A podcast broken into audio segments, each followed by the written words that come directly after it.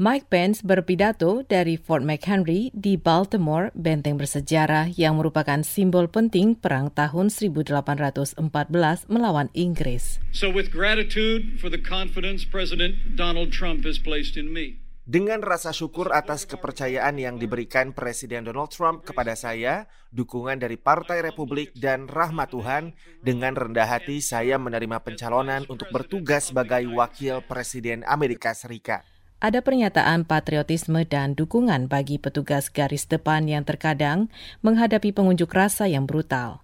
Marah atas kematian beberapa warga kulit hitam dalam menghadapi polisi, Gubernur South Dakota, Christine Noah, mengatakan, The violence is rampant. There's looting, chaos. Kekerasan merajalela, terjadi penjarahan, kekacauan, penghancuran.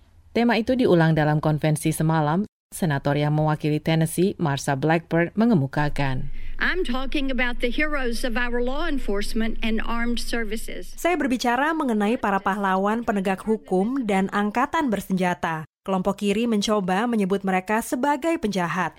Sasaran kritik itu adalah Partai Demokrat yang mencalonkan Joe Biden dan Kamala Harris. Seorang polisi veteran mengatakan Trump sedang mencari solusi. Pejabat Persatuan Polisi Nasional Michael McCallie mengemukakan. President Trump supports the creation of a national standard for training on Presiden Trump mendukung terciptanya standar nasional bagi pelatihan untuk meredakan konflik dan memperbaiki komunikasi untuk memberi petugas lebih banyak cara dalam menangani konflik tanpa kekerasan. Biden mengatakan tidak mendukung tuntutan penghapusan dana untuk kepolisian, tetapi menginginkan lebih banyak dana untuk menempatkan polisi dan petugas kesehatan mental di komunitas.